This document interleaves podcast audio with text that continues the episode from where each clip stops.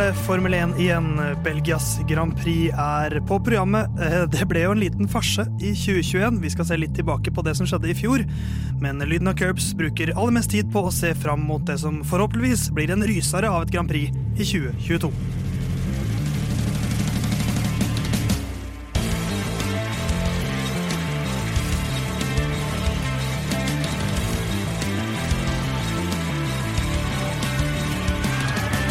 Endelig er det Race Week igjen, eller løpsuke, som Jon Halvdan liker å si.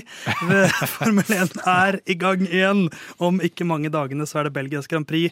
Og ikke bare er det det, det er en triple header som ligger foran oss. Det vil si altså, altså den neste perioden, de neste tre ukene, som er jo på en måte like intenst som Det er like lang periode som uh, løpspausen vi har hatt. Så nå er det tre løp på rad, så nå er det bare å spenne fast setebeltene.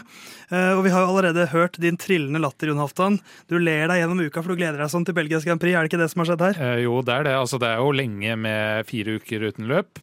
Eh, og Belgia er jo eh, som kjent min favorittbane, så eh, jeg håper at den ikke skuffer like mye som den gjorde i fjor. Og det passer jo veldig bra at vi skal gjennom en triple header nå, når vi er uten tredjemann. Ja, det passer veldig fint. Du, kan, du hevder jo også at Belgia er ditt favorittland. Eh, Det hevder jeg ikke. Ja, det er lov å prøve seg. Men uh, Herman er borte i sitt favorittland, nemlig USA. Ja, det er hans favorittland. Han drar dit så ofte han kan. Han skal til Miami og se på en parkeringsplass eller noe sånt. Ja, noe Men da har vi jo fått med oss vår eh, faste vikar etter hvert. Ole Røsvik, velkommen tilbake. Jo, takk for det. takk for det. Hvordan er den belgiske formen for tiden? Den er på stigende kurve, vil jeg si. Ja. Ja. Hva, hva, hva er ditt forhold til Belgia? Eh, nei, jeg vil si den er topp tre av mine favorittløp også, egentlig. Mest fordi det er mye spenning og ja, lang, langt rundt. Det er litt gøy. Hva slags forhold har du til Belgia som land? Aldri vært der, så det er Ah. vanskelig å liksom bedømme det ut fra. Jeg liker vaflene derfra. Ja. Ja. De er jo veldig kjente. Da er spørsmålet, Hafsan, har du noen oppfølgingsspørsmål til meg om Belgia, for eksempel, som Herman vanligvis ikke hadde stilt? Uh, ja, uh, Herman, uh, holdt på å si. Uh, Theis heter du. Det er mitt navn. Theis, du var jo i Belgia for ikke så lenge siden. Jeg var i Hvordan Belgia. var det der? Det var fantastisk. Jeg var på King, King Badouin Stadium og så et lite band som heter Coldplay spille en sang om en farge, og flere andre sanger. Ja, Gul, eller? Ja, hvilke band er de? eh, De spiller kald musikk. Ja. Eh, men Det har ikke så mye med Formel 1 å gjøre. Men, eh, men Belgia er jo ikke så langt unna Max Verstappens hjemland, Nei. som er jo det neste løpet. Det er jo Belgia, Nederland og Italia nå. Så takk, takk som spør, Jon. Jeg er veldig glad i Belgia som land. Undervurdert ferieland, pleier jeg å si. Uh, og uh, et kult løp. Jeg liker jo spa, spabanen veldig godt. Eh, men det er vår 26. episode, og da vet dere hvor jeg skal nå. Få høre, få høre Og nå, statsa jeg, jeg, skal, jeg, jeg, prøver å gjøre det, jeg prøver å gjøre det litt mer sånn Jeg prøver å knagge det litt bedre opp mot landet. Så denne gangen har jeg prøvd å finne noe belgisk sentrert. Og det er klart. Det er den 26. episoden til Lyden av Curbs. eh, Og vi er i Belgia, og det er en belgisk Formel 1-sjåfør som har 26 poeng i sin Formel 1-karriere. Og han var lenge regnet som et megatalent, for han løp gjennom eh, alders, eller aldersbestemte klasser, altså class, eh, feeder series. Veldig, veldig bra. Og han heter Stoffel van Dorn. Ja. Eh, Han oppnådde 26 poeng i løpet av sin eh, karriere. Han fikk eh, ca. tre sesonger, ganske nøyaktig. Han tok ett poeng i den første, 13 poeng i den andre, og så 12 poeng i den siste 2018. Han kjørte for McLaren eh, og var jo regnet som et megatalent, men han er jo et eksempel på at eh, store talenter kan få plass i Formel 1. Eh, og kjørte han vel sammen med Alonso der? Ja, det gjorde det. Ja, Han er jo er med i det- første sesong av Netflix-serien, er det ikke? Ja, Den Jo. som Herman liker å, å snakke om. Eh, Eh, Vi omtaler han bare ikke med navn her. Og så må man jo kunne nevne at han er uh, Formel E-verdensmester uh, denne sesongen. Eh, vant eh, nå eh, eh, sist eh, løpshelg, som eh, jeg ikke husker nøyaktig når det var, et par uker siden. ja, så, så han har jo fått en bra eh, bilkarriere. Men, eh, men et eksempel Ikke helt ulik eh, Nico Hulkenberg, da, som også ikke var veldig god i de seriene under, og så traff ikke helt når han kom til Formel 1. Timing er viktig. Eh, talent tror jeg kanskje han hadde. Men, eh, men vi skal ikke prate veldig mye mer om Stoffel, men han kommer sikkert til å være der. Også et kult navn. Stoffel. Stoffel. Eh, men eh, vi skal prate mye om Belgia i dag. Eh, ikke landet, men Belgias Grand Prix. Så da foreslår jeg at vi dundrer på med å se litt tilbake på hva som skjedde i fjor.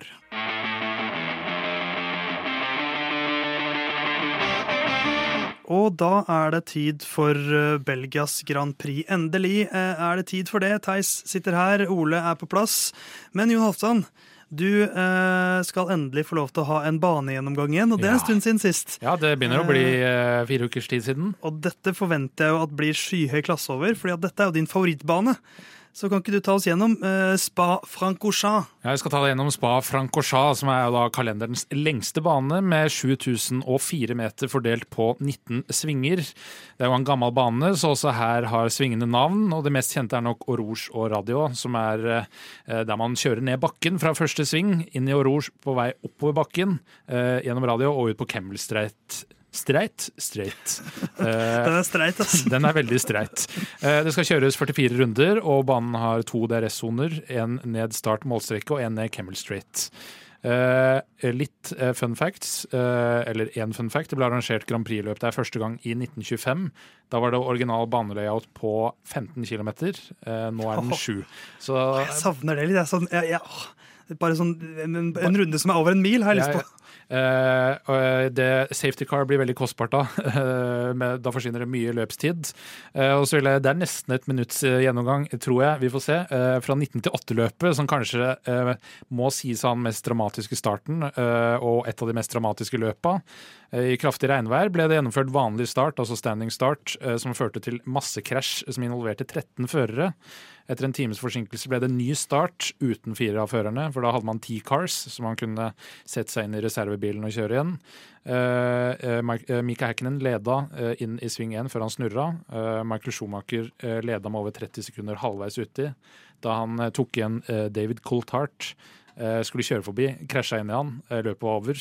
Eh, DC kjørte inn i pit, The Michael etter, rasende på vei inn i garasjen og måtte holdes igjen. Så ganske dramatisk løp som Damon Hill vant. Ikke sant, dill. Så for de som ikke hang med Jon Halvdan der, så er det YouTube-goodies. Altså bare sitte og se litt på det.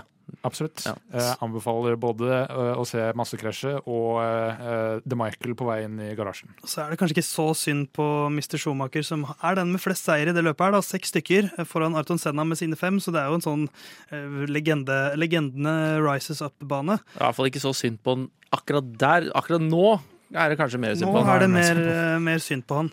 Eh, Men hvis vi ser Men det er ikke DC sin feil. Nei. Eller? Det vet vi ikke. Men, eh, men det vi uansett kan si om denne banen, er at eh, det er en vanskelig bane å forsvare seieren sin på. Forrige som vant to år på rad her, vi må tilbake til 2004-2005, og Kimi Raikkonen, som da vant eh, egentlig tre år på rad. I og med at han vant, eh, Det ble ikke holdt i 2006, og han vant i 2007 også. Eh, så ser vi vinnerne de siste årene, så har det vært han krasja ut på siste runda fra å vinne i 2008 òg, fordi det begynte å dryppe på slutten. Og så vant han også i 2009, så han kunne hatt fem på rad. da. Ja. Men, men eh, årene siden så har det jo vært bytting eh, hvert eneste år. Max Verstappen vant i fjor, da. Jeg vant og vant. Ja, for det er nettopp det eh, jeg tenkte vi skulle gå over til nå. Det som skjedde i fjor. Uh, Ole Røsvik, som sitter ved min side, hvordan husker du farsen Belgias Grand Prix i fjor? Nei, jeg husker den i hvert fall veldig godt som at det var en veldig spennende kvalik, for Russell eh, kvala jo til P2. Og det var jo det var også regn i kvaliken, så det gjorde at det var litt omkastninger på hvordan griden ble seende ut. Og så kom søndagen, og så ble det løpet utsatt og utsatt og utsatt i tre timer. Eh, Så satt du egentlig bare og tvinna tomler, og så kjørte de ut to runder bak safety car, inn igjen i garasjen. Og så fikk du liksom Jeg husker ikke hvor lang tid det tok fra de var inne i garasjen igjen, til du fikk bare beskjed om at løpet kommer ikke til å bli gjennomført.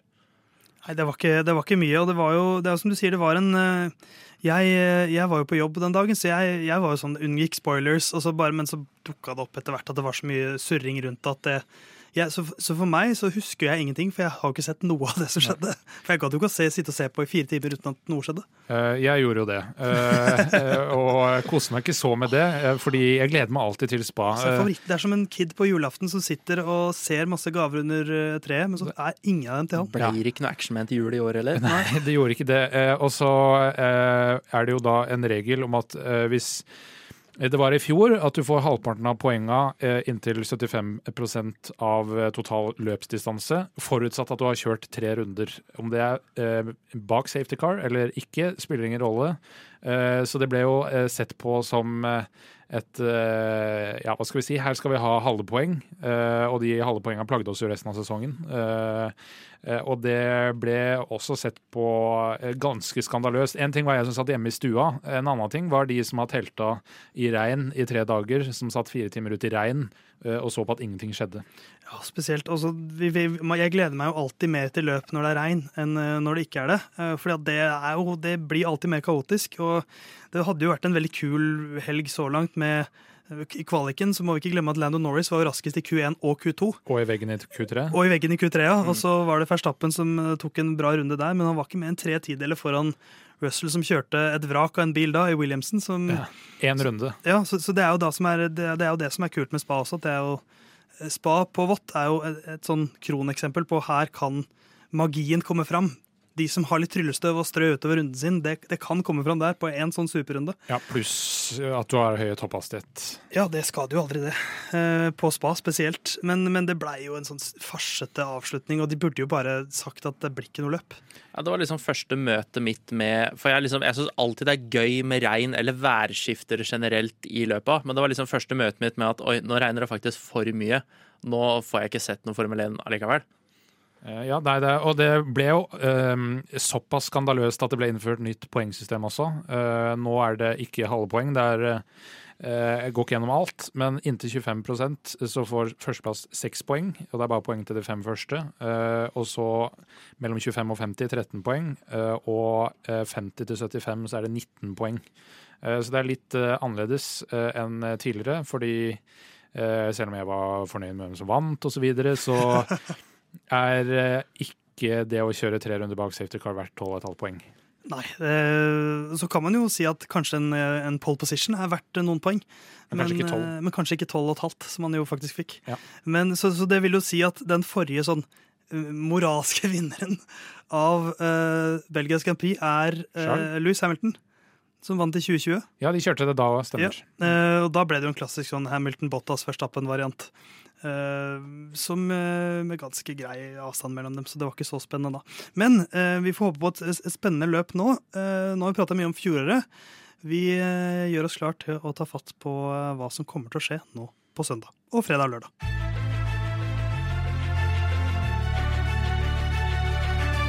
Vi får eh, ta litt fatt på årets eh, Belgia Grand Prix, da. Og vi har jo fått sånn klar, eh, et klart inntrykk Jon Halvdan, av eh, hva skal man si, styrkeforholdet lagene imellom. Men eh, det er jo en lang pause verdt, si. Eh, og litt regelendringer som kanskje man må ha i mente inn mot helgen. Ja, det er det jo. Eh, eh, altså eh, hvordan banene passer de forskjellige lagene. Det har vært, er det høy dekkslitasje foran, så er det Ferrari-fordel. Høy dekkslitasje bak, så er det eh, Red Bull-fordel. Eh, er det noe midt imellom, så vet vi ikke. Eh, og Mercedes er det gjerne er det gatebane, så går det ikke noe bra uansett. Men nå er det introdusert ikke egentlig nye regler, bare en ny måte å passe på at bilene følger reglene. Og det har med ikke for at det skal bli for teknisk, men det har med gulvet, altså undersida av bilen, og under der er det en planke eh, som man bruker eh, til å måle hvor eh, mye av den som kan slites bort i løpet av løpstid. Eh, Og den skal festes på en spesiell måte. Eh, Der mener man at eh, Ferrari og Red Bull har triksa litt, eh, eller utnytta et eh, mulighetsrom i eh, hvordan det testes, eh, à la Flexiving-sagaen i fjor, både foran og bak. Eh, så den eh, skal nå eh, bli strengere, og det er snakk om, ifølge Mark Hughes, som bl.a. gjør en del for The Race, snakk om to-tre tideler kostelig rundetid for Red Bull og Ferrari, er det som er estimert. Eh, Mercedes ligger ca. et halvt sekund bak i rundetid. Eh, eh, og det vil nok være mer tid det koster de her, fordi det er en såpass lang bane, men i mer Ungarn-perspektiv. Eh, så sannsynligvis så vil Ferrari, Mercedes være litt nærmere enn det det var før sommeren. Og det er nyheter, eller estimater, som vi liker, Ole. Ja, jeg syns absolutt det. Jeg er litt spent på åssen Ferrari kommer til å komme den uh, helga her. Jeg syns, det var snakk om at den der avkjøringa Leclerc hadde i, i Frankrike, var av at han hadde pole-pressing i høyhastighetssving. Og det er ganske mange høyhastighetssvinger i Belgia, så jeg er litt spent på om han kommer til å gå av i veggen her òg. Eller om det bare, bare, bare var et engangstilfelle, liksom. Ja, det Det har ikke vært engangstilfelle til nå, så det er jo ikke utenkelig. Men han, har jo, han har, varierer jo måter han går i veggen på. Det gjør han absolutt. Glad i variasjon, eh, Charles, eh, som er jo da nummer to. Eh, 80 poeng eh, har han nå opp til eh, Max Verstappen i førermesterskapet. Han har fem poeng ned til Sergio Perez, så, så det drar seg til i kampen om andreplassen, kan vi jo si. Mens i kampen om fjerdeplassen så er George Russell på 1,58. To poeng ned til Carlos Sainz og tolv poeng derfra ned til Hamilton. Så det er på en måte tre kamper. Du har kampen om seieren, som er Max mot uh, Verstappen. Uh, meg mot meg, nei, jeg mot meg, eller hva den serien heter. Eh, kampen om andreplassen mellom Leclerc og Perez, og så er det tre mann som kjemper om eh, fjerdeplassen, slik det ser ut nå. Mens i konstruktørmesterskapet så har jo Red Bull ca. 100 poeng på Ferrari, og Ferrari har 30 poeng på Mercedes. Så det er jo status inn mot eh, Belgias Grand Prix. Det kommer en triple header nå som eh, skal kulminere i Monza. Eh, skjønner du hvor jeg vil eh, når jeg fokuserer på Monza her, Jonathan? Dette er tre utrolig viktige uker, tror jeg, for Mattia Binotto. Eh, Det er det. Og eh, Ferrari eh, Det er jo klart, Monza og Spa er ikke så helt ulike. Sandvort i Nederland, som vi skal inn i mellom der, den er- skiller seg mer ut. Men hvis Ferrari gjør det godt i form av seier og et performance-overtak på Red Bull og Mercedes her, så kan det også love godt i Monza. Og seier foran Tifosi er noe det er litt lenge siden. Eh, Ikke så lenge siden, det var vel 2019 som var sist. eh, Ja, da var det eh, det derre at da fikk de jo påpakk på grunn av at de brukte litt mye Motorjuksinga. motorjuksing. Ja. Eh, Så det ville være første reine seier siden eh, Jeg vet ikke. Jeg husker ikke sist de vant eh, i eh, Monza før da. Men eh, det, altså det, er, det vil være viktig her. eh, Og jeg tror kanskje ikke at det koster så mye. Eh, Jeg tror det vil fortsatt være en forskjell. Det vil være Red Bull og Ferrari et eh, hestehode foran eh, Mercedes. Eller oksehode. ja, kanskje et litt mindre oksehode. Eh, men, men fortsatt, det vil være et lite skille der, tror jeg. Eh, så får vi se neste uke om jeg må spise mine ord. Uansett så tror jeg dette er nok en bane som er litt fordel Red Bull. Det er høy høyhastighet. Eh, fordelen har vært mindre enn tidligere, men så lenge det ikke blir noe ultrafadese fra Ferrari, så har nok Mattia Benotto også jobben eh, da de skal til Monza. Ja. Skal ikke se bort ifra at det ikke blir en ultrafadese, da. For det, de har jo en tendens Det skal man ikke se bort fra, nei. Nei, Det er for, mange kaniner i den hatten der. for, eh, for det er jo spørsmålet, eh, Ole. De har hatt en ganske lang pause nå, siden et par løp der det gikk ganske dass for Ferrari. Hvordan bør de ha brukt den perioden? Hva er, hva er liksom grepene de må ha gjort? Ja, nå er jeg litt farga at jeg har hørt på en annen podkast. Jeg hørte på uh, When We Were Kings, og Nottingham Forest uh, drar inn noen fotballgreier. Sånn som, uh, Det er bra at vi får inn en Det er eh, bra, Da fyller du din rolle, Ole. ja, og jeg håper de har reist på ferie. Ja, At de har kobla helt av og ikke tenkt på Formel 1. Det kan hende et par av de som uh, De, får, de må jo stenge fabrikken. Uh, Så jeg, jeg håper de har simulert litt på PC, de som kan gjøre det. installert Også- nye FN-manager. Mens de som sitter med De som sitter på pitwall og tar de avgjørelsene der, de håper jeg har uh, nyter litt sangria og Ja. kobla litt av. Ja, for det er jo de som har svikta. Jeg ser for meg at, eh, at Charles han har sittet Han har bare ligget i senga hjemme og deppet. eh, eventuelt bare sittet og stirret i veggen. Mens Carlos han er litt, det er noe maskinaktig over han, så jeg ser for meg at han har hatt en sånn Han har bundet seg inn i en slags sånn Hannibal Lector-aktig eh, maskevariant, hvor han bare ligger og venter på et nytt løp. Eh, Men, men, i så fall så vil det her være fordel eh, Science da, uh, innad i Ferrari. Fordi jeg tror ikke det er lurt av Leclerc å gå inn i en sånn nedadgående spiral. Men det er jo det han gjør. For Science er jo mye mer robust mentalt. Han trenger hodet til Science. Mens Leclerc er så han går, Det går altfor inn på han, alle de feilene han gjør. Er veldig følelsesmenneske, Ja. virker det som. I hvert fall gjennom de radiobeskjedene eller radioutblåsningene. Ja, men man, man må ta samme innstillinga som resten av Formel 1-førerne. At uansett så er det ikke min feil. Ja. Uh, uansett hva som går galt, selv om jeg krasja der, bare, nei, vet ikke, det må ha vært vinden eller noe. Det var i hvert fall ikke min feil. Si at det var Eriksson som traff deg. Ja. Bare liksom, altså, skyld på noe annet enn så det- Veps i Men du kan jo ikke skylde på bilen, for da får du sparken i Ferrari. Ja, ja, nei, men, men si at det er noe skyld på Pirelli. Det er liksom eh, Pirelli er alltid trygt å skylde på. noen andre. Men, eh, men, det, men det, det er litt sånn Det er litt veikt å skylde på Pirelli, og når det er liksom 19 andre biler som kjører rundt utpå der som får det til. Ja, det er, det er et godt poeng, men, men han trenger jo For hvis vi skal prøve å hause opp denne tittelkampen igjen, da Det, det trengs jo en sånn den sesongen Fettel hadde en gang, da han vant 88 siste løpene, eller hva det var. Det er noe sånt som Charlie Clair trenger Ja, men nå, nå. holder det ikke lenger heller. Er Nei, nei, altså, og de, de, de trenger jo at, at altså, de, de er ikke det, de, Ballen er ikke i deres halvdel lenger. De trenger at Verstappen har en megafailure. Ja, kjørte, er, det- to år siden han kjørte i veggen i Oruge, eller den, den svingen? Når eh, Ja. hydraulikk- Han krasja inn i sving 1 og brøyt brøt styrestaget foran. Ja, eh, så han hadde ikke venstre, eh, høyre sving da han Ja. kom ned til svingen. Men er det liksom ja, nå er vi, det, det holder på en måte ikke for Ferrari å bare kunne peke på at Red Bull var raskere enn oss nå.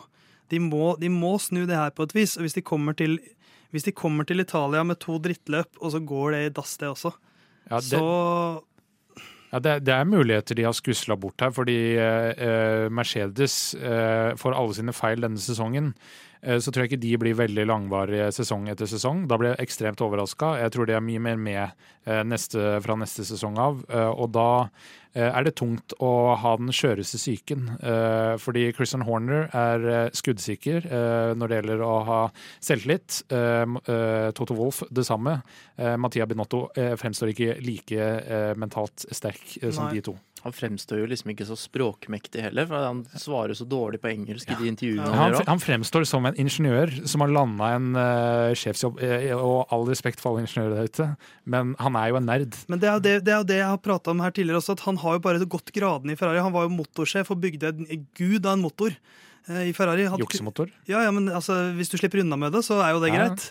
Den, den seieren i Monza står fortsatt i historiebøkene. Det er ikke nødvendig at de er gode ledere, selv om de er gode teknikere. Så han er jo åpenbart, og her, det har vi jo snakket om også, de har bygd en fantastisk bil. Det er jo ikke noe tvil om at, de, at han har gjort ganske mye riktig, men som en lagleder så øh, de trenger, øh, de trenger noe nytt der, øh, tror jeg. Det har jo, jeg har jo jakta på hans hode ganske lenge nå. Ja, du har jo slitt øksa Du skal se de krøllene fly. Jeg kan jo, jeg kan jo røpe at jeg har sendt en liten jobbsøknad nedover til Italia. Ja, du har så jeg, jeg lobber litt for å få fjerna han, Ja. sånn at jeg kan ta over. Ja, er hans, du en bedre leder enn det Binotto er? Er det det du sier? øh, Det ville jeg aldri sagt, for jeg har ikke en, jeg har ikke en faglig tyngde. Men er du bedre i italiensk? Eh, claro. Ja, klaro. Bra. Nei, men, men, eh, men jeg håper Vet du hva jeg håper at Binotto har brukt eh, denne, denne pausen til? At Frisørtime? ja, nei, jeg syns han kler det, men, men hvordan skal jeg ta den praten med Carlos? Eh, For her, nå må de prioritere. Nå må de ikke komme med sånne der skjulte team orders. Nå må de si til Carlos De, de må gå all in for Charles her. Ja, altså hvis, hvis de har i det hele tatt ambisjoner om å prøve å vinne VM, så må de satse alt på ett kort. For konstruktør-VM, det, det, det har de ikke sjans på. Tror jeg. Nei, Så de må gå all Der in for kommer Mercedes til å eh, gå forbi i så, ja. sånn form som de har vært i. Ja, eh, 30 poeng bak. Eh, eh, Nei, eh, jeg syns eh, Binotto skal bytte tilbake til runde briller. Eh, Som en advokat for runde briller sjøl, så syns jeg at eh, det så bedre ut. Da jeg tror jeg du også må bytte til litt ja, runde briller. du i de, det- er, de er ovale, de Ja. du har nå. men de er ikke firkanta som Binotto sine. Det er de ikke. Eh, Så eh, eh, kom deg på jobb, bytt briller. eh, Vær litt tøffere i trynet. eh, Fordi det er de andre team principles. eh, Og eh, spesielt Christian Horner. eh, Så Jeg foreslår at han går full Morpheus. Ta og Skinn deg, eh, ta på deg rulle, eh, runde solbriller og skinnfrakk. Ja. rød skinnfrakk. Rød skinnfrakk. Ferrari-logo. og så kommer sånne piller og sånt ja. til, til Charles. Eh, men nei, det, er, det, er det vits å snakke så mye om Red Bull, da? Er det, hva, liksom, hva kan gå galt der? Eh, Nei, altså det er jo Verstappen kan jo bare, Nå kan jo han safe de siste ni løpene. Ja, var det jeg hørte at han kunne ta seg ferie uh, de tre neste løpa og dukke opp uh, om løp nummer fire og fortsatt lede mesterskapet. Så han har jo en pute som han kan hvile på, men det gjør ikke han. Altså han er Uansett hvor bra det går, så er han ute etter å gjøre det bedre. Altså Helt likt Louis Hamilton. Altså, han er jo ikke unik i det, eh, den forstand heller. Eh, eh, men hva som kan gå galt, er driftssikkerhet. Noe kan DRS eller motor eller girkasse altså De Ja, er for det har, det har jo lugga litt med den bilen Ja, til nå. senest forrige løp Ja. i Qualic, da eh, ERS-en slutta å fungere. Så de, de, er, de er ikke skuddsikre, de heller, men de har sluppet unna mye billigere med det Ja. enn Ferrari. De takler jo bedre, da, motgang. De er jo det laget som nesten takler motgang best, syns jeg. Red Bull. Ja, og Hvis du ser tilnærminga de to lagene imellom, da, så tillater Red Bull at Max Verstappen altså hudfletter de eh, åpent på radio. Eh, fordi ja. det pusher de mer. Mens hvis eh, Charlie gjør det samme, så er det opp med den viftende pekefingeren fra De tåler ikke å bli snakka til i Ferrari. Dette er Ferrari, vet du. Vi vet alltid best. Ja. Eh, Åpenbart ikke. selv ikke når, eh, når Science liksom må ta avgjørelsene mens han kjører forbi en eller annen tjommi, så er det fortsatt de som vet best. Når beste strategen sitter i andre bilen, Ja. da eh, kan vi ikke si at vi er best. Nei. Så eh, ja. Kom igjen, da, Mattia. Skjerp deg! Eh, Så skal vi prate litt om Mercedes vi, ganske straks.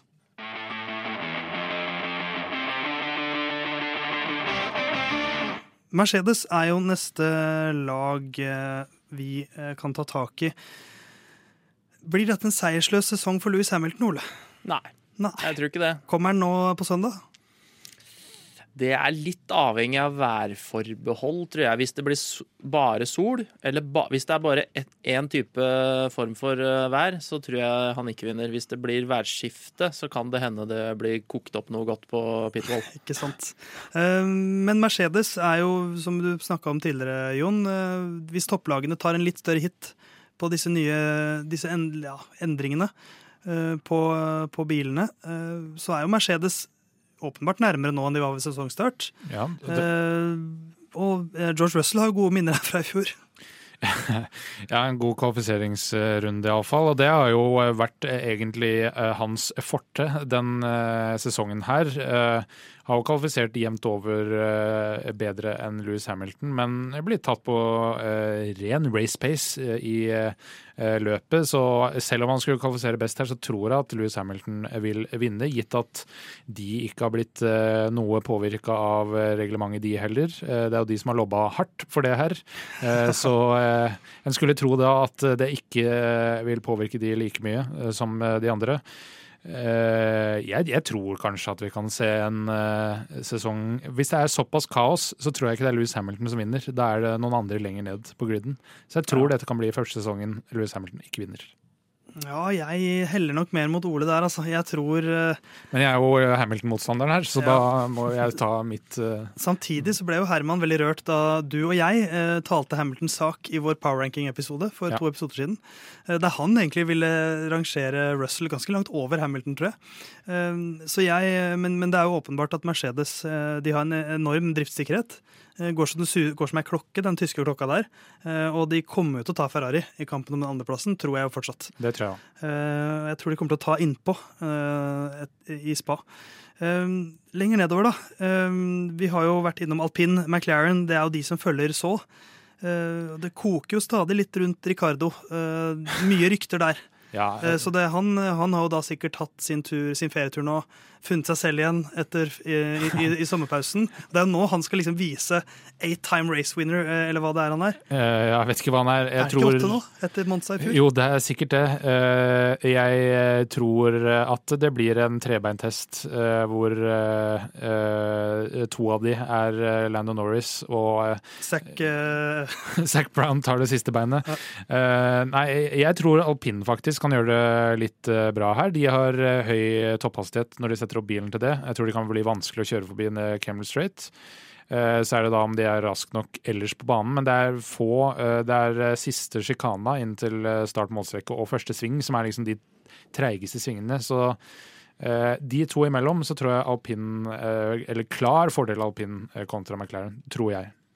Ja, hvem syns du, Ole, er mest interessant av, eh, av lagene bak Mercedes, Ferrari og Red Bull? Hvor, hvor føler du det skjer mest nå? Nei, det var jo vært, i hvert fall de har, McLaren og Alpine var i hvert fall de som har skapt mest uh, action nå i pausa, med, Ja, det kan du si. med Piastri-gate. Så Nei, jeg, jeg også liker jo alpin, for det, jeg, jeg liker begge Jeg syns begge førerne er raske. Det er den beste førersammensetningen utenfor topp tre, syns jeg, Det- på racepace. Det er jeg enig i. Eh, Jeg vet, det er ikke noen egentlig andre kandidater som er i nærheten. Nei, eh, også, men så liker jeg McLaren mest for det Det er den mest folkelige sammensetninga av førere, i hvert fall utafor banen. Ja, altså Millionærer er veldig folkelige. Jeg, jeg syns jo det var gøy da i en av de siste YouTube-videoene til FN-kanalen så var det dilemmaprating, og så fikk eh, hva var det? Var det toppfart eller nei, hestekrefter eller torque eller dreiemoment? Hva, hva ville du valgt?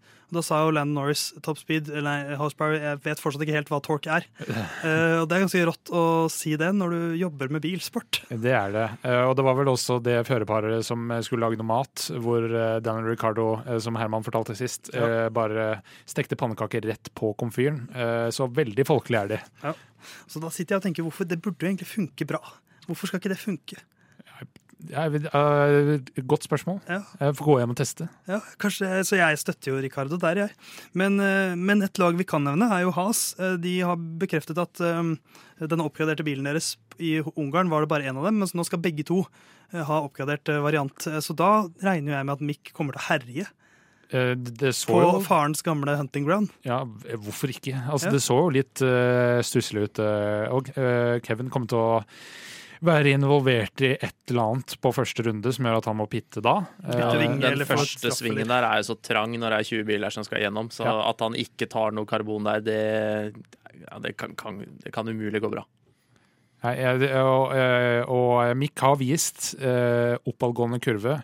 Eh, jeg tror det er den hetsinga han har fått fra Herman Borgstrøm i podkasten her, som har satt litt fart på det. Og tror at det Jeg tror han følger opp, og jeg tror han kommer til å knuse Kevin den helga her.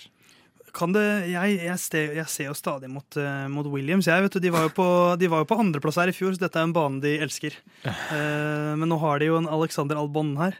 Uh, kan han trylle fram noe Jeg, jeg, ønsker meg mer kaosstrategi fra dem. Sånn, sånn som da, da de bare setter Albon på noen harde dekk fra start. La han kjøre alle runder bort fra siste. Og så pitt. Jeg håper de gjør noe sånt.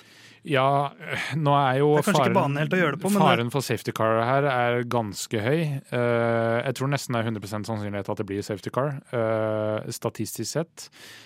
Men, men de må, må gjøre noe annerledes enn det de har gjort, gjort eh, tidligere. Ja, de bør gjøre andre strategier enn laga rundt, for har de helt lik strategi, så vinner de ikke. Eller tar de ikke noe poeng annet enn 19. og 20. Ja, de må nesten må håpe at det regner like mye som det gjorde i fjor, da, så de får litt fart på den ferja de kjører bak der. For det, for det må vi også nevne. Værmeldingene har jo vært litt, uh, litt vekslende. Uh, jeg la ut en liten Instagram-story eh, med litt antydning til regnvær fra yr.no. og Det virker som de, det regnsannsynligheten nå er litt mindre enn da jeg la det ut. Men eh, Jeg kan se her nå. Ja, Min for- min Min foretrukne app er jo pent. Skal vi se her. Men det er jo altså mange baner er- Alle baner lar seg jo påvirke av været. eh, Ja. Men, Nei, fredag og lørdags morgen er det regn. ja, men da blir det masse regn på søndag. Ja. Eh, Men, men det er jo noe spesielt med Belgia her i regnvær. De belgiske skogene. Eh, Og regnvær eh, Det er en skummel bane å kjøre det her. Og da er regnet enda farligere. Ja, det er jo ikke Det var vel i 2018 at uh, Antoine Hubert krasja eh, på toppen av uh, Orvos. I Formel 2? Ja, i Formel 2, og døde ganske momentant etter å ha først gått i veggen og så blitt kjørt i en annen bil. Så det er ikke en ufarlig bane. Vi hadde jo Norris inn i veggen der i kvalifisering i fjor. Eh, så eh, hvis det skal regne, så bare regn litt, da, så det ikke blir eh, Ikke sånn som i fjor, ja, eller noe tragisk. Ja. Finn den sweet spoten. Ja, og magi kan komme tilbake til hva jeg tror av magi litt seinere når vi skal tippe. For jeg har noen magiforslag. Da sier jeg, Jon, hold den tanken. Vi går på tippinga.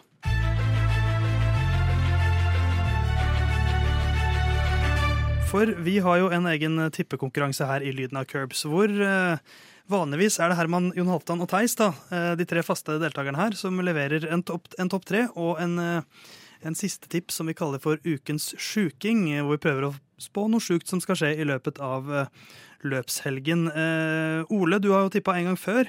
Det gikk ikke så veldig bra. Eh, Nei, men, du, men det gikk ikke verst heller. Du, du tippa nest best den gangen du var med. Men, eh, men Ja, tre, ja. ja, ja, eh, men det betyr vel kanskje mer at vi andre tippa litt dårlig. Men eh, Herman er ikke med her. Eh, men kanskje vi skal begynne med hans, hans tips. For han har sendt inn da en lydfil til meg som jeg ikke har rukket å legge inn i eh, Ja, avviklingsprogrammet for her. han sendte den etter sendestart. Eh, Nesten. Han, han sendte den litt før, men jeg kom litt seint fra jobb hit, så jeg rakk ikke å få det på plass. Men da tenkte jeg da skal jeg spille fra min mobil, så vi gjør det litt old school. Hør godt etter nå. har nettopp gått av flyet, så det er sikkert dårlig lyd her som vanlig. Og Jeg hører den der høyttaleren leser opp i bakgrunnen, som alltid er ideelt. Men min topp tre er Russell Hamilton Leclerc. Og ukas sjuking er at det blir ett rødflagg, i en safety car, altså minst ett rødflagg, minst en safety car, og at det blir en løpsvinner som ikke har vunnet løp tidligere denne sesongen her. Ja, Han skal i hvert fall få Russell Hamilton Leclerc godkjente, det kan vi jo ikke ta ham på. Eh, Det kan vi ikke ta ham på. Eh, Men når det gjelder det andre Det er jo en kombinasjon her, da, men eh, Og så tar han et sånn minsttall. eh, Og da har vel vi tradisjon tro for å jekke opp tall eh, et Jeg syns det må knekkes til litt. ja, fordi at jeg, jeg mener jo at Når han sier eh, et, altså en, et rødflagg, en safety car og en ny løpsvinner, så Ja. tenker jeg at, Ikke en fort være Russell. da Han pola Ja. jo forrige løp. og at Og at de to første legger jo litt premisser for at da, da har det allerede skjedd noe sjukt. Ja. Og da er det mer sannsynlig at det blir en ny løpsvinner. Ja, så jeg foreslår da eh, to røde flagg, to safety car og en løpsvinner som aldri har vunnet løp før. Jeg støtter det. Hva sier du, Ole? Ja, nei, eh, hvis det er to mot uh, vikar, så sier jo ikke jeg imot, selvfølgelig. Jeg, altså, Er du blitt Hermans advokat nå? Nei, jeg er ikke advokat. Jeg er bare nøytral. ok. ikke opptatt av å få seg noen fiender her, og det kan jeg respektere. Så jeg tenker vi, vi knekker den til og sier to rødflagg. Eh, jeg, jeg hadde gått med på ett rødflagg og to safety cars. Ja, vi kan ta det, da. Ja, fordi at to rødflagg er ganske sykt. Ja, Det er usannsynlig. Så da, da knekker vi det litt til, men jeg syns fortsatt vi skal holde på en helt ny løpsvinner. Ja, ikke, ikke- en som ikke har vunnet før i år. Å, Louis Hamilton vant! Det blir for, eh, det blir for enkelt, Herman, så du får, eh, du får godta det du får av oss. Men eh, Herman leder jo sammenlagt her med 53 poeng. Eh, To poeng foran deg, Jon Halvdan, så da skal du få tippe next. Ja, eh, og da eh, skal jeg bare gjøre en liten justering, fordi jeg kom på hvor tett eh, jeg var eh, på eh, Ikke sant? Så du skal til slutt ta sjanser. Du skal spille for seier. eh, Nei, dette var for å skru det til litt. Eh, fordi det er ikke noe eh, spille for seier-tippelapp her. Førsteplass Max Verstappen, ok, det er som det pleier det. Andreplass Louis Hamilton og tredjeplass Fernando Alonso. Jeg føler du jeg, Nei, det, jeg føler veldig ofte nå så tipper Enos Alonso på tredjeplass. Ja, men han, det, det ligger en pall i Alonso, og denne runda er det. Men Europall, eller? Uh, nei, en pallplass. Ja, okay. uh, ukens uking, uh, det er rett og slett en pallen etter kvalik-tipping. Eh, Charles Leclerc, Alexander Albon og Carlos Sainz. Oi, oi, oi. En, en slags kopi fra i fjor på et vis, da. At det er en Williams på andreplass der. Ja, det er riktig. Men uh, jeg føler, uh, i kombinasjon med tippelappen min, uh, som jeg mener at de står opp mot hverandre, eh, og hvis vi må ha det som premiss, så kan vi selvfølgelig det. Ja, men Leclerc vinner ikke fra pole uansett. Så det, Nei, Nei, men, men, men så, så ukens sjuking, altså at Leclerc, Albon, Science, var det det du sa? Ja. Er, topp tre, er P1, 2 og 3 etter kvalik? Ja. Ja, men den må Jeg godkjenner den. ja, nei, vær så god. Ja.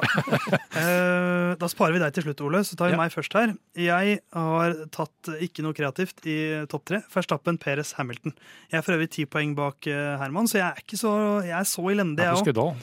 Um, jeg har jo da også tatt en sånn uh, Hva skal man si, Topp tre-tipset mitt er hvis det blir et tørt løp. Men hvis det blir et vått løp, så kommer ukens sjuking inn. Okay. For der har jeg Hamilton tar pole og leder hver runde av løpet. Hamilton tar pole og leder hver runde Ja. av løpet.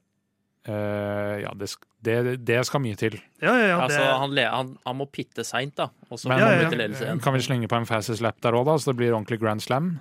eh, altså, jeg er ti poeng bak, men jeg, vet du hva, det er kulere hvis jeg får til det. Så jeg, jeg tar den nå. Det er usannsynlig at den første går uansett. Ja, ja, Så. så hvis du først skal få Men hvis, tenk hvis det skjer nå.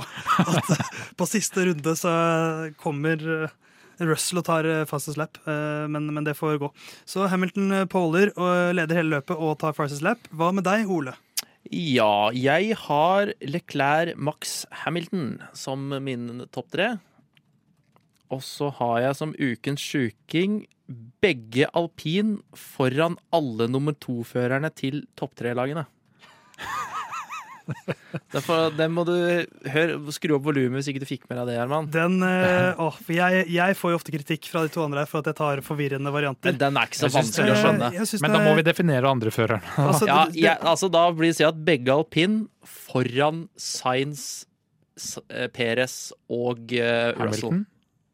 Russell. Russell. Ja, ikke sant? For da definerer du hvem som er andrefører der, og Ja. det, det er din, eh, din eh, makt som eh, tipsgiver.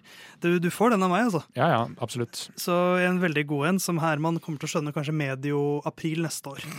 Eh, men da sier vi det slik at våre vinnertips er Russell, Verstappen ganger to og Leclerc. Og så er våre fire ukens sjukinger da, at det blir ett rødflagg, to safety cars og en helt ny løpsvinner. Det er Herman sin. Jon Halvdan går for at Leclerc, Albon og Sainz er topp tre i kvalik. Jeg går for at Hamilton bare tar pole position, leder hele løpet og har ras raskeste runde. Mens du, Ole, går for at begge alpinbilene er foran alle eh, nummer to-førerne til topp tre-lagene. Det er komplisert og fint, Ja. akkurat som jeg liker det. Eh, nå skal vi over til noe jeg ikke liker helt, nemlig Dennis Hauge sin formutvikling i Formel 2. Fra Formel 1 og så øker vi eh, til 2, samtidig som vi går på en måte ned et steg til Formel 2. Eh, Dennis Hauger har tre veldig viktige uker foran seg. Det er en triple header også for Formel 2-gutta. Eh, Spa, Sandvort og Monza, og så er det Jazz Marina i UAE helt til slutt. Så det er jo en ganske lang pause mellom Monza og De forente arabiske emiratene helt til slutt. Og akkurat nå, i snakkende stund, så er Dennis Hauger nummer 12 av eh, 24 førere. Så dritten i midten er en nordmann eh, som har riktignok tatt eh, to løpseiere, eh, men så har det stoppa litt opp. Han har eh, ett løp med poeng siden han vant i Baku. Eh, så det har eh, stagnert litt, men han eh, prates om, Jon. Eh, ja, han prates om. Eh, det var eh, i forkant av Ungarns, altså løpshelga i Ungarn, så hadde motorsport.com et intervju med doktor Helmut Marko, der de spør han om mye forskjellig, sesongen til nå, hva som skjer med Porsche-dealen osv. Men det er også spurt hvem er neste fører i Formel 1 én fra juniorprogrammet. Og da eh, nevner han eh, Dennis Hauger først, som at han dominerte Formel 3 eh, på en virkelig utrolig måte. Oversagt, oversatt fra tysk til norsk via Google Translate. men har oppturer og nedturer i Formel 2, og ikke så hva skal vi si, stabil eh, produksjon av løp eh, til nå. Eh, men eh, ja, at han i det hele tatt nevner han, eh, er jo positivt eh, for Dennis Hauger, eh, som betyr at eh, Eh, Neste sesong eh, kommer han ikke til å være å se i Formel 1, men eh, kanskje sesongen etter. Eh, Og det betyr iallfall at han er eh, et stykke fram i bevisstheten til Helmut Ja. Marko.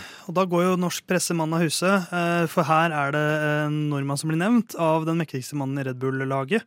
Og så tenker jeg også at når, når jeg hører hvordan han sier det, så tenker jeg mest at Helmut Marco sier her ah, det er ikke så lett å si. Se på Dennis Hauger, dritgod i fjor. eh, Ja. Litt sånn jalla i år, så jeg vet ikke helt. Ja. Det er sånn jeg egentlig tolker det. Eh, Eller er det feil, Ole? Hva, eller hva, hva, det er vel bare det at jeg er litt mer mot Jon Halvdan, at han ligger litt langt fram i hjernebarken til Marco, men at han da nevner at det har vært Det er jo vanlig for en rookie når du får eh, større motor bak i hekken, at det kanskje går litt opp og ned, og du møter helt annen grid, andre førere. Det er ikke så lett for Jeg tror ikke det er så lett for de i F1 heller, for å holde seg til Roy Nissani når han driver og holder på ute på banen der. Så Nei, Og så Saudi-Arabia, da, som jeg har snakka om 10-15 ganger til nå. Men, eh, men det er jo et eksempel på uh, manglende erfaring. Da får du det resultatet der. eh, at du kjører inn Ja. i pitlane pit lane når den er stengt. Uh, så Og man trenger, man trenger å gjøre feil for å kunne lære av det. Det nytter ikke å bare gli på en, eller gli på en rosevei hele veien, og så komme motgang når det først kommer til FN. Det er bedre at han har det nå, enn at han får det senere. Ja, men samtidig så er det altså Det har blitt kjørt eh, ti Formel 2-runder så langt i år, dvs. Si 20 løp. Eh, Dennis har poeng i eh, seks av dem. Og det er ikke så veldig bra. Det er litt sånn stabilitet. Altså det, det er jo som, som Marco sier, at det er veldig mye opp og ned. Men det er jo også, som vi også har prata mye om, første sesongen hans. Men jeg hadde håpet at liksom den seieren i Baku kunne bli et slags steg Ja. til å liksom bygge noe på. Men det har jo ikke vært det. Eh, Så har han vært uheldig og bla, bla, bla, men det er det mange andre som har også. Ja, det kan du si, men eh, hvis vi da eh, sammenligner eh, 2021-sesongen hans i Formel 3, hvor han vant med Ja. 205 poeng, til sesongen før, hvor han endte opp på en Da hadde han vel én podieplass sesongen før. 17.-plass Ja. eh, med 14 poeng. Eh, så poengdifferans på eh, rundt 190 poeng. Sånn Så at, han starter mye bedre nå. eh, absolutt. Eh, så det som er viktig nå, er hva skjer neste sesong. Hvis neste sesong ser lik ut som nå, eh, så kan det godt hende at eh, 79 år gamle dr. Helmut Marko mister tålmodigheten. For, for øvrig, så dere, altså Han kom jo noen, med noen uttalelser eh, her forleden, litt rundt Juri Vips osv., med de rasistiske uttalelsene han hadde. Hvor han ble, altså, han ble tidenes boomer, eh, Helmut Marko. Som prata om at eh, Hva var det han sa? At eh, ungdommen i dag, de, de, har for, de har for mye tid. Så de sitter og spiller bare dataspill, de vet ikke hva de skal gjøre, de sitter bare og gamer hele dagen. Det var et sånn type sitat.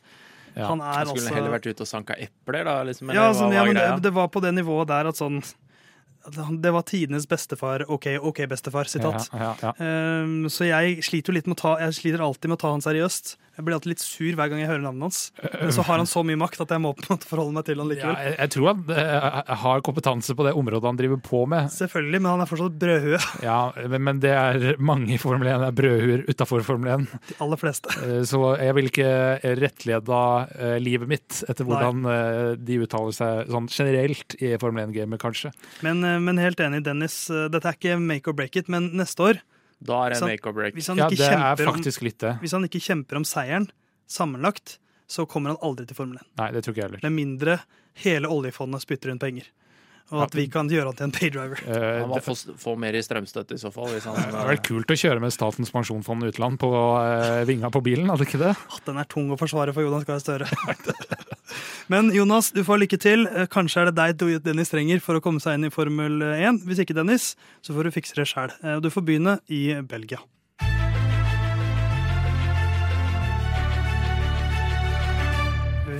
Er ikke helt ferdige ennå, vi. Eh, Litt nyheter, eh, Jon Halvdan, på motorfronten. Ja, på motorfronten. Vi har jo snakka så vidt om det tidligere. Venta på nye motorregler fra 2026. Nå har eh, Verdens motorsportråd, eh, eh, korrekt oversatt Så denne mystisk. gangen, eh, eh, godkjent reglene. FIAS, Verdens motorsportråd, eh, godkjent reglene fra 2026.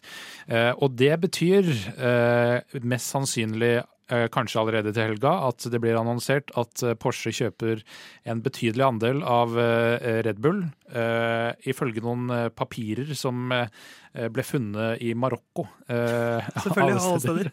Eh, så er det snakk om eh, faktisk 50 av eh, Red Bull. Noen eh, mener jo, eh, eller eh, noen spekulerer om det betyr at Red Bull kommer til å skifte navn. Jeg mener at dette betyr at Alfa Tauri skifter navn til Porsche. Når vi snakker 50 eh, For det er ikke Red Bull-laget i så måte. Det er Selskapet, Red? Bull Technologies, da, som de vel heter, eh, som eier både ja. Red Bull og Alfa Tauri. Jeg syns det er litt på en måte gøy. Det er jo gøy at Porsche kaster seg med på laget igjen. Men samtidig så skulle jeg jo heller ønske at det var sånn Vet du hva, vi drar i gang et eget prosjekt. Det blir elleve lag neste år. Eh, Jeg, jeg savner litt at det er mer enn ti lag. Ja, men det kjempes jo ganske hardt eh, imot det ellevte laget Ja, det sant, det. eh, innad i Formel 1 eh, med han eh, som jeg ikke husker hva Andretti? Ja, Andretti, eh, Mario Andretti, som eh, vil starte eget lag. eh, og det vil ikke de ti andre, for da er det flere lag å fordele inntekter utover osv. Og, Og, og så er det en ganske høy uh, buy-in-sum. Eh, men eh, eh, det, det ryktes jo også at eh, Volkswagen-konsernet, som Porsche eh, er eid av, eh, skal inn med ett lag til, eh, eller involveres som motorprodusent, og sannsynligvis som et works-lag. Men det får vi jo se etter hvert. Red Bull-dealen er i hvert fall nærmest. Spennende om det blir 50% Det ble i samme intervju eh, eh, spurt, eller antyda, at nå er du 79 år, eh, Marco. Dietrich Matisic er eh, 78. Er dette en enkel måte for dere å trekke dere ut av Formel 1? Eh, og da svarte vel Helmut Marko ganske kategorisk nei, at Red Bull skal forbli i Formel 1. Ikke sant. Uh, ja, gøy med Porsche uh, Det tilbake. Uh, stor eh, motorsporttilhørighet, eh, men ikke i Formel 1 de siste perioden. Eh, så vi får se eh, hvordan det blir. Eh, og at Porsche skal komme, er vel, er vel en long expected eh, Det er en dårlig eh, veldig dårlig skjult hemmelighet. ja, veldig dårlig skjult hemmelighet. Eh, Jeg har en hemmelighet som er to spørsmål fra Herman Borgstrøm. Oh. Eh, Jeg har jo da fortsatt ikke rukket å legge inn disse lydfilene, så eh, det er to spørsmål, og så svarer vi på ett av dem først, og ett etterpå. Okay. Dette, Herman, hei til deg. I og med at jeg nettopp har landa i Los Angeles og vært på 10 000 meters høyde, så har jeg et spørsmål om hvilke av førerne tror dere er med i den famøse 10 000-metersklubben? Og hvorfor? Det vil jeg gjerne vite. Også et eh, litt mer eh, seriøst spørsmål. Hva skal egentlig til for at det blir sommeroverganger i Formel 1? For det er jo ganske mange førere som har underprestert noe. Men det gjøres jo ikke noen endringer. Så hva skal egentlig til? Attention. Så Herman med et veldig modent spørsmål der, eh, og et modig spørsmål til slutt. Så jeg tenker at vi tar det seriøse først, og så tar vi 10 000-meteren helt til slutt. Um, og jeg syns det er et litt betimelig spørsmål for det. For de som kanskje følger mest med på fotball, eller andre idretter, så er man jo vant med at overganger kan skje litt uh, hytt og gevær, og det er overgangsvindu osv., og, så videre, og det kan skje midt i sesongen. Uh, I engelsk fotball har vi jo deadline day i januar osv. Det er jo stor big business, men i Formel 1 så er det veldig sånn at de holdes i bilene sine gjennom sesongen. Det er sjelden man ser mid-season transfers, og hvorfor ikke? Uh, nei, altså det er jo ikke uh, hva skal jeg si, tradisjon for uh, sånn bud og budgivning i Formel 1 som det er i fotball. Det er få eller vinteroverganger i fotball også, som har noe med det å gjøre. Jeg tror man må være direkte farlig før man blir sommerovergang, men det er ikke så lenge siden det bytta fører før Spa eh, i 2019. Albon og Gasly. Stemmer. Ja, for det, men det er jo mer en slags sånn hospitering. Det er Ja, jo mer en slags du skal ned på B-laget. Men det var- det var jo bytte Ja. mellom to forskjellige lag. Det er jo det. Eller to forskjellige biler, da, i hvert fall. Ja, det- Laget er jo, det er jo kan det. diskuteres. Men det er jo som å bli sendt ned på B-laget. Ja, ja. Uh, men, men uh, Ja, det måtte vært liksom sånn som at Giovinazzi er vel trefører i Ferrari. Så det måtte jo vært en eller annen sånn type at uh, Sile Klær eller Sainz nå har krasja ut i fem løp på rad og kjører med huet bak fram. Kanskje gir, kanskje gir Giovinazzi sjansen. Ja. Nei, det, det er jo Jeg liker jo Jeg hadde jo likt at på en måte at det var litt mer dynamikk, men samtidig så er det jo litt sånn uh, at førerne er jo litt sånn som bilene, at du låser deg litt til det du har i starten, og når du da er halvveis, så er det sånn Du har jobbet deg opp veldig mye data rundt de førerne du har, og de har jo kjørt seg inn i bilen, og det handler jo litt om, om det også, som gjør at det er ikke sånn at en eh, er, ikke, altså, er du en høyrebekk da, og bytter lag, så er det for så vidt like Det er en mindre overgang til et annet lag enn Ja. å bytte fra bil til bil. Ja, og de andre ligaene, da, hvis vi kan kalle det det. eh, som man kan, eh, altså En ting er jo laga imellom. eh, Det er jo en begrensa førerpool, om du vil. Uh, Og da er det Indycar eller Formel E. Eh, MotoGP kommer vel ikke inn i Formel 1, eh, vil jeg tro. Eh, Og Indycar har jo et anna stil å kjøre, så det er liksom ikke så mye å hente fra da, hvis man skal gå helt utafor. Nei. Så vi har jo sett uh, at det kommer noen nødførere inn av og til. Nico Hulkenberg osv. Mm. Uh, Men bare det at liksom de henter inn en nødfører istedenfor å hente inn treføreren også, viser jo at det er Det må jo være et stort gap mellom å kjøre uke inn og uke ut fremfor å liksom sitte på benken. Ja, eh, og i simulatoren. ja. Så, men, men, eh, men jeg syns jo samtidig det er et litt sånn altså hvis eh, Nå er det jo kanskje ingen av topplagene som jeg føler har behov for å bytte noe, da, men sånn som, eh, sånn som Mac McLaren, da.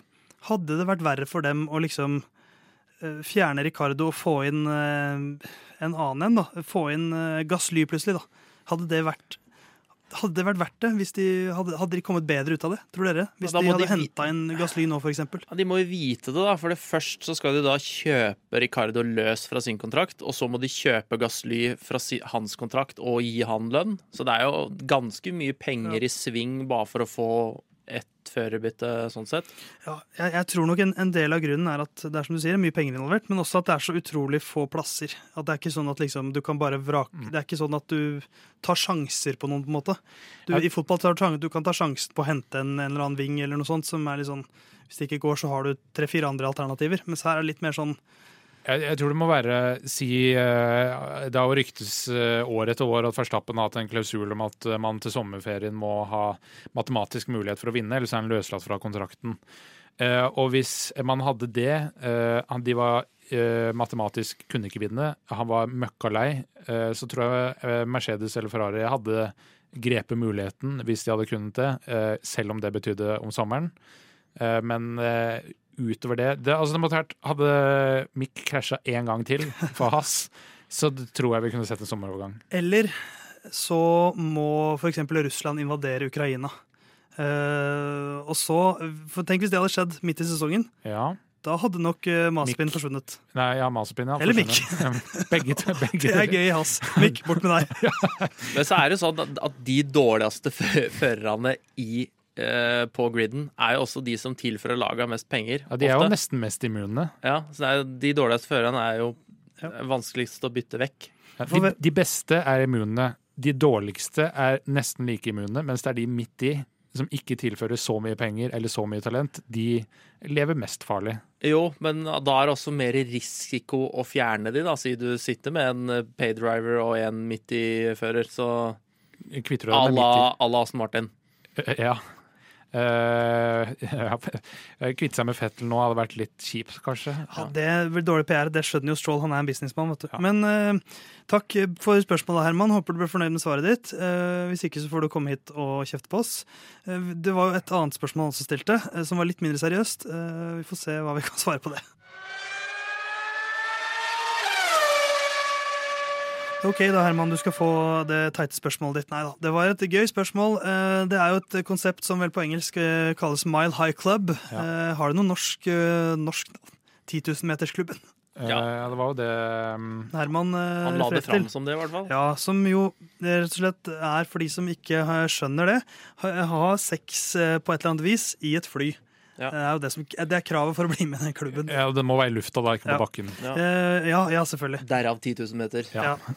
Eh, og da kan man jo først undre seg over hvorfor Herman begynte å tenke på dette. Jeg har Eh, sittet i åtte timer på fly til USA nå, da, sammen Ja. med kjæresten, så jeg skal, vi skal kanskje ikke spekulere Nei. noe mer enn det. Vi lar den ligge i lufta, akkurat som kanskje de gjorde. Eh, Men så kan vi gå over da til å spekulere litt selv om folk vi ikke kjenner, som er på en måte lettere.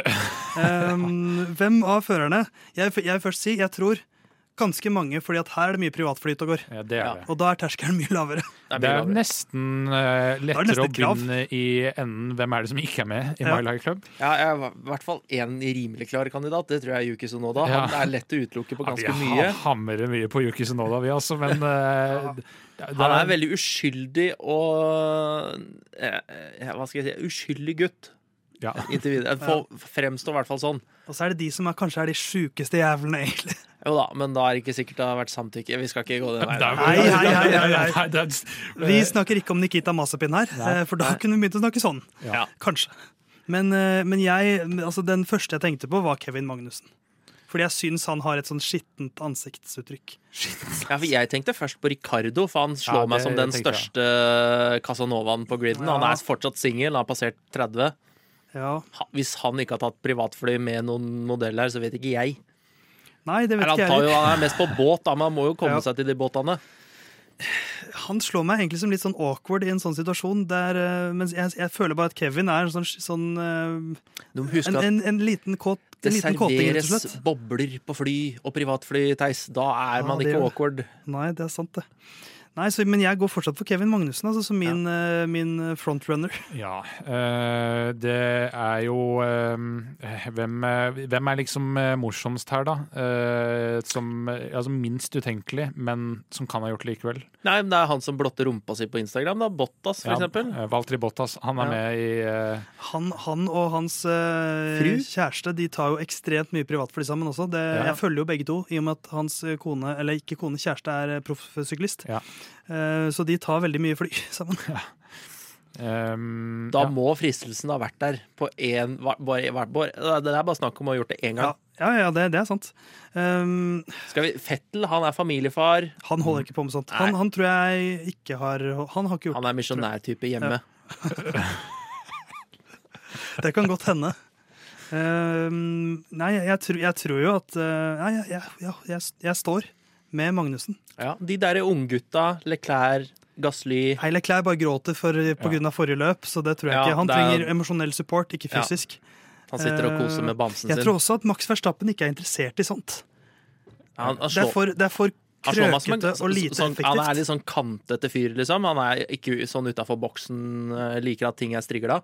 Jeg, tror, jeg tror ikke han Og så Han- flyr han jo mest med faren sin, så det blir litt kleint, det Ja, det er Det blir sant. rart. Joss er i rommet Ja. siden av. Uh, Kelly, vi får bare vente til vi Så skru opp den bassen litt. Så jeg, Men han, ja, men er faren med til For hun, Kelly Piquet er jo brasilianer, så det må jo bli noen turer ned der òg. Så det kan på en måte Kan man utelukke noen utenom Sunoda? Så det er jo, jeg, selv ikke han. Det er langt til Japan nå, så når han skal hjem, så er det Men han sitter vel da og spiller på Nintendo Switch eller noe sånt, sånn som jeg hadde gjort. Ja. Um, Nicolas Latifi, da?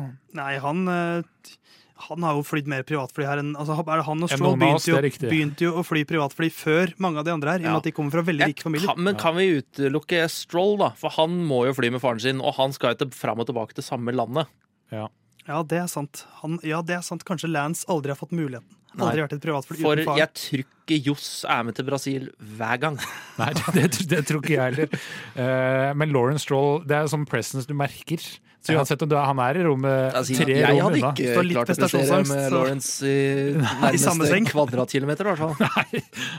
Eh, så ellers eh, har vi jo snart vært gjennom ganske mange her, men vi har ikke sagt et ord om f.eks. Louis Hamilton og Fernando han- Alonso. ja, de Han har jo vært linka til en del sånne kjendiser opp igjennom, i hvert fall. Så Men jeg tror at der de er nå i livet, så tror jeg ikke de er interessert i sånt. De er ferdig med det. Nå er de, ja, de er litt lei av det. De har gjort det for mye. lei- de er jo spenningssøkere, adrenalinjunkies, alle mann, da. Louis sitter først og fremst og tenker på at han har lyst til å hoppe ut av flyet, tror jeg. Jeg tror Ja, men han hopper jo greit nok i den bilen fra før. Det er sant. Men jeg tror eh, av de to så er det Fernando Alonso som er mest opptatt av å ligge eh, på flyet. Spansk Casanova, Ja. apropos. Og Science, da. Og Science. Men han, han reiser jo da igjen med fetteren sin. Ja. ja. For han er jo er han er løpsingeniør, er han ikke det? det er- Nei, han er agent. agent. ja, Agent, Ja. agent støttespiller, men da er det jo men, men fettere er jo ikke ulovlig, i hvert fall ikke i Norge. Eh, Skal du Sweet Home Alabama der borte, så du Jeg er jo fra Oslos Norges svar på Alabama nummer Oslo. Eh, så Nei, det, nei jeg, jeg holder med Magnussen, ass. Det er, noe med, Ja. det er noe med det smilet hans når han uh, er litt drøy i et intervju eller noe sånt. Det er noe med han.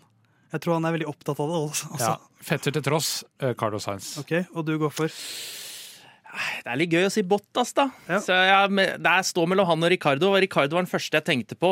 Men uh, si Bottas, da, i og med at han liker å blotte seg litt, så Ja. har han jo liksom det genet i seg. Walter i Blottas. Ja. Ja, så, så går sikkert Herman for Ricardo i og med at han har så bra musikksmak, og det liker dam- damene. Uh, men da er vi ferdig egentlig med dagens episode. Uh, det er snart Belgisk Grand Prix, og det er vi, vi kommer til å ha en veldig travel episode neste uke, mm. så den vil jeg anbefale deg, og deg der hjemme å og, også få hørt på den. Og hvis eh, du syns eh, det er ålreit å høre oss prate om Formel 1, tips gjerne en venn som du, lik, som du vet liker Formel 1, at, at den podkasten der, sjekk ut den. Følg oss gjerne på Instagram også. Lyden av Curbs heter vi der. Kom med innspill, spørsmål og mye annet. Nei, har, vi noe, har vi noen tider eller noe sånt, Jon? Vi har noen tider. Eh, Det er eh, Første trening er klokka to eh, på fredag førstkommende. Klokka fire lørdag, da er det kvalifisering. Da er jeg i bryllup, så det blir senere opptak. Og søndag klokka tre er løpet. Det kan også være fire, fem eller seks òg, avhengig av hvor mye det regner. Men i utgangspunktet klokka tre. Yes. Så du skal ikke se løpet live? Eh, løpet Kvalik, live eh, kvalik. eh, Jeg håper ikke at bryllupet varer også til søndag. Eh, da blir jeg festtrøtt. Ikke sant. Nei, men vi får kose oss i Belgia, da. Eh, takk for laget, Ole. Jo, Vi hører nok deg igjen her om ikke så altfor lenge. Eh, og så sier jeg eh, dra til Belgia, det er et undervurdert ferieland. Kos deg med Belgias Grand Prix.